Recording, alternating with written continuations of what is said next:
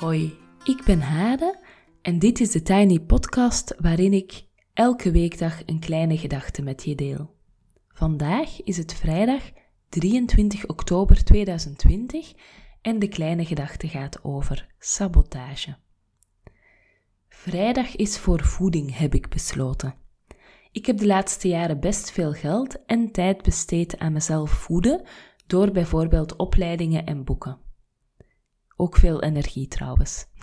Heel vaak kom en kwam ik dingen tegen waarvan ik een soort aha-erlevenis had. Vaak zijn dat inzichten die resoneren met iets dat ik al op een intuïtief niveau wist of aanvoelde, maar waar ik taal, tekst of kaders bij kreeg. Elke vrijdag deel ik zo een inzicht om op mijn beurt ook jullie te voeden, want ik geloof in ontvangen, geven en doorgeven.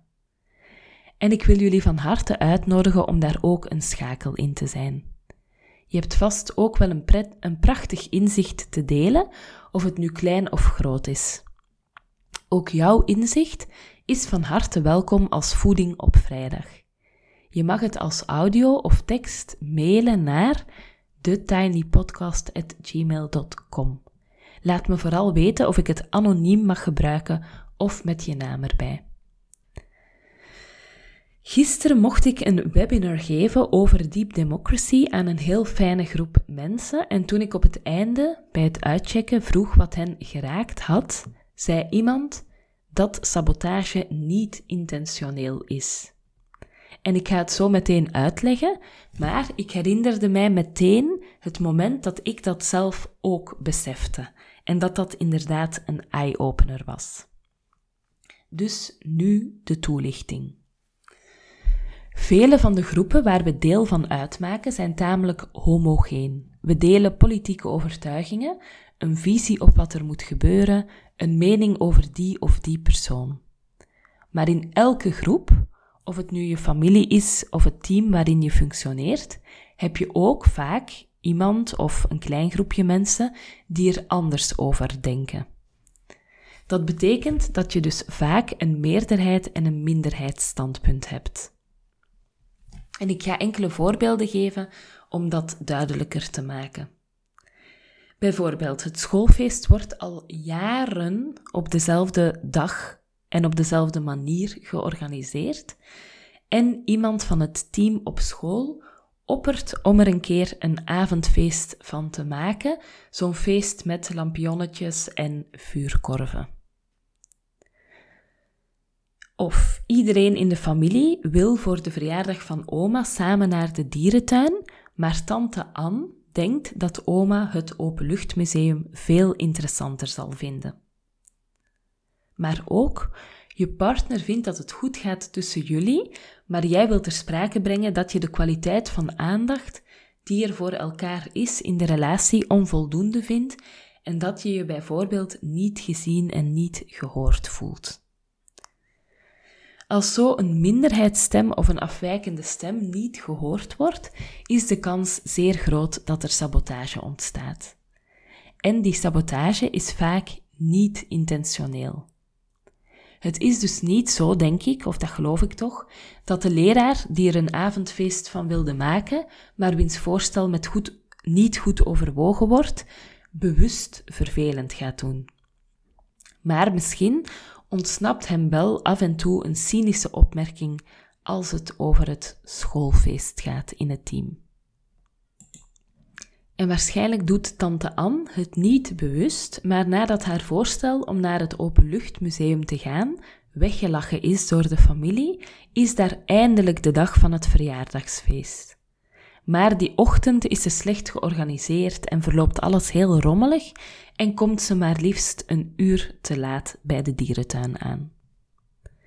En jij hebt met hand en tand aan je partner proberen uitleggen hoe jij je voelt, namelijk niet gezien en niet gehoord, maar je voelt je niet gezien en niet gehoord en niet begrepen door hem of haar, dus heb je het de komende tijd alleen nog maar over het hoogst nodige met hem of met haar, omdat je gewoon weinig zin en energie voelt om nog diepgaande gesprekken te voeren.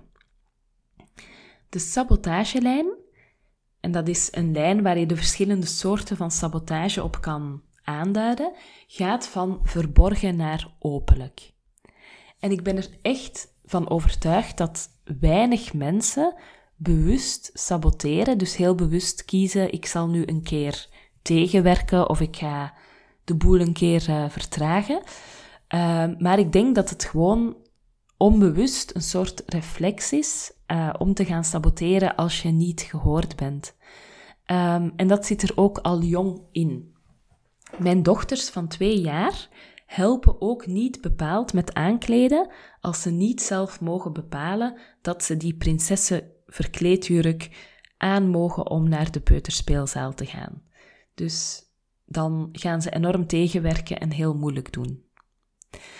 Um, en ik betrap mijzelf soms ook op sabotage, tot en met dat ik ook wel eens aan zelfsabotage doe. Um, bijvoorbeeld, uh, ik ga een autobiografisch voorbeeld geven van sabotage. Um, Pieter en ik hadden ooit een ruzie, maar ik weet ook echt niet meer waar dat die over ging, dus dat kan ik jammer genoeg niet uh, vertellen. Um, en die ruzie, ja, dat vond ik ja, ik voelde mij niet gehoord of niet begrepen met wat ik wou duidelijk maken. Um, en de zaterdag daarop uh, was het familiefeest in zijn familie. En ik weet dat dat voor hem heel belangrijk is. Um, dat hij daar veel waarde aan hecht. En ik hoorde mijzelf plots zeggen: Nou, ga zaterdag maar alleen naar je familie. En ik dacht echt? Wat doe ik nu? En toen realiseerde ik mij dat ik dan op het punt waarop we ruzie hadden, dat ik het daar niet op kon halen, dat dat niet goed opgelost was voor mij. En dat ik dus een soort van automatische reflex had om um, ja, te gaan saboteren door niet mee te doen eigenlijk uh, in iets dat voor hem wel belangrijk was. Ik heb mij daar trouwens, ik ben echt niet mee geweest toen. En ik heb mij daar ook heel slecht bij gevoeld. Uh, dus ik weet nog dat ik die middag hier op mijn kantoortje zat, alleen. En dat ik zo met mezelf ook geen blijf wist, want het was helemaal natuurlijk de bedoeling niet om dat uh, te doen.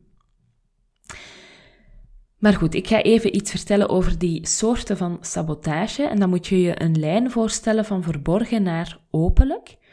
Um, en als eerste op die lijn komen we grapjes tegen. Ik denk dat je in elk team, in elke familie, in elk gezin wel van die steeds terugkomende grapjes hebt die eigenlijk zeggen dat er toch een soort item onder liggend is waar een soort ontevredenheid over bestaat. De volgende stap zijn satirische grapjes of cynische opmerkingen. Dus dan wordt het al wat harder.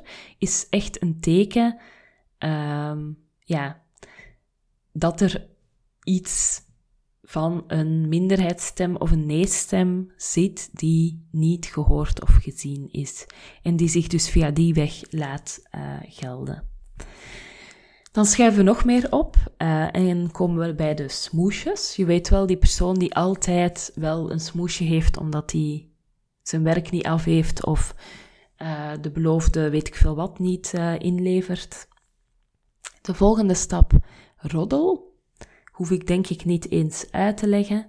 Dan de volgende stap is slechte of gestokte communicatie. Um, en dan gaan we verder naar opzettelijke tegenwerking. Dat is dan wel bewust. Um, het vertragen van projecten, van allerlei dingen, besluiten enzovoort. En als het echt heel erg wordt, dan uh, ontstaat er dus staking en de meest openlijke vorm van sabotage is vertrek, hè, bijvoorbeeld ontslag nemen of oorlog. Dus echt uh, het gevecht uh, aangaan. Um, die sabotagelijn die is eigenlijk een soort diagnose-instrument. Dus je kan in een team of in een familie of ja, in een organisatie bijvoorbeeld, kan je in kaart brengen van wat er speelt, uh, wat voor soort um, sabotage er voorkomt. En daar krijg je eigenlijk heel veel informatie door over hoe het in die organisatie eraan toe gaat. Uh, en dan kan je eigenlijk daarop insteken om te zoeken wat er niet gehoord of gezien is en daarmee werken. En het is in teams of in organisaties mijn mooie job om dat werk uh, te doen. Um, en wat ik bijvoorbeeld ook mag doen, wat ik gisteren gedaan heb, is dat ik uh, professionals daarin kan opleiden, zodat zij daar zelf meer bewust van zijn en ook tools in handen krijgen om het niet zo ver te laten komen, bijvoorbeeld in hun eigen team. Uh, gelukkig zijn er tools en is er heel wat uh, te doen om niet in die sabotagelijn terecht te komen, of als je er wel in zit om er weer uit te geraken. En dat vind ik eigenlijk heel leuk werk om te doen. En dat is heel mooi om uh, mee te maken. Voilà. Uh, tot daar de vorming op vrijdag. Um, ik heb nog een paar dingetjes die ik wil vertellen. Gisteren was er voor het eerst totaal ongepland geen tiny podcast. En dat had te maken met het feit dat ik echt, ik had heel hard gewerkt. Um, en plots was het vijf uur, ja, s'avonds zeg maar. En toen kon ik kiezen van ga ik nu naar huis en is het genoeg voor vandaag? Of ga ik nog een podcast maken? Dan ben ik nog een uurtje bezig. Uh, en ik heb er toen voor gekozen om lekker naar huis te gaan. En ik vond het zelf heel raar, omdat ik zo die ketting van die podcasts heb doorbroken. Um, maar ik denk dat het wel een juist besluit was. Uh, dan wil ik nog vertellen dat er op, in de week van 2 november s ochtends een clubje uh, plaatsvindt. Dat is een cursus van een weekje waarbij je elke ochtend een meeting hebt van 7 tot 8 en elke dag een online opdracht doet. En dat clubje gaat over fragmenten van je levensverhaal. Dus je gaat onderzoeken uh, welke gebeurtenissen, en dan gaan we inzoomen op drie gebeurtenissen, in jouw levensverhaal um, impact hebben gehad of um, jou beïnvloed of gevormd of gevoed hebben. En op 1 november start de cursus 30 Days of Morning Pages. En dat is een cursus waar je in 30 dagen een schrijfpraktijk ontwikkelt. Um, door elke dag online een lesje te doen over het schrijven. En er hoort ook een kaartenset bij met uitnodigingen om te schrijven. Dus uitnodigingen waar je over kan schrijven. Um, en ik zet de informatie over deze cursussen zet ik in de show notes. Tot zover de Tiny Podcast voor vandaag. Je kan me volgen op Instagram, TheTinyPodcast. Je helpt me door deze podcast wat sterretjes te geven op iTunes een review achter te laten en of hem door te sturen aan iemand anders die er misschien ook graag naar luistert. Tot maandag, fijn weekend!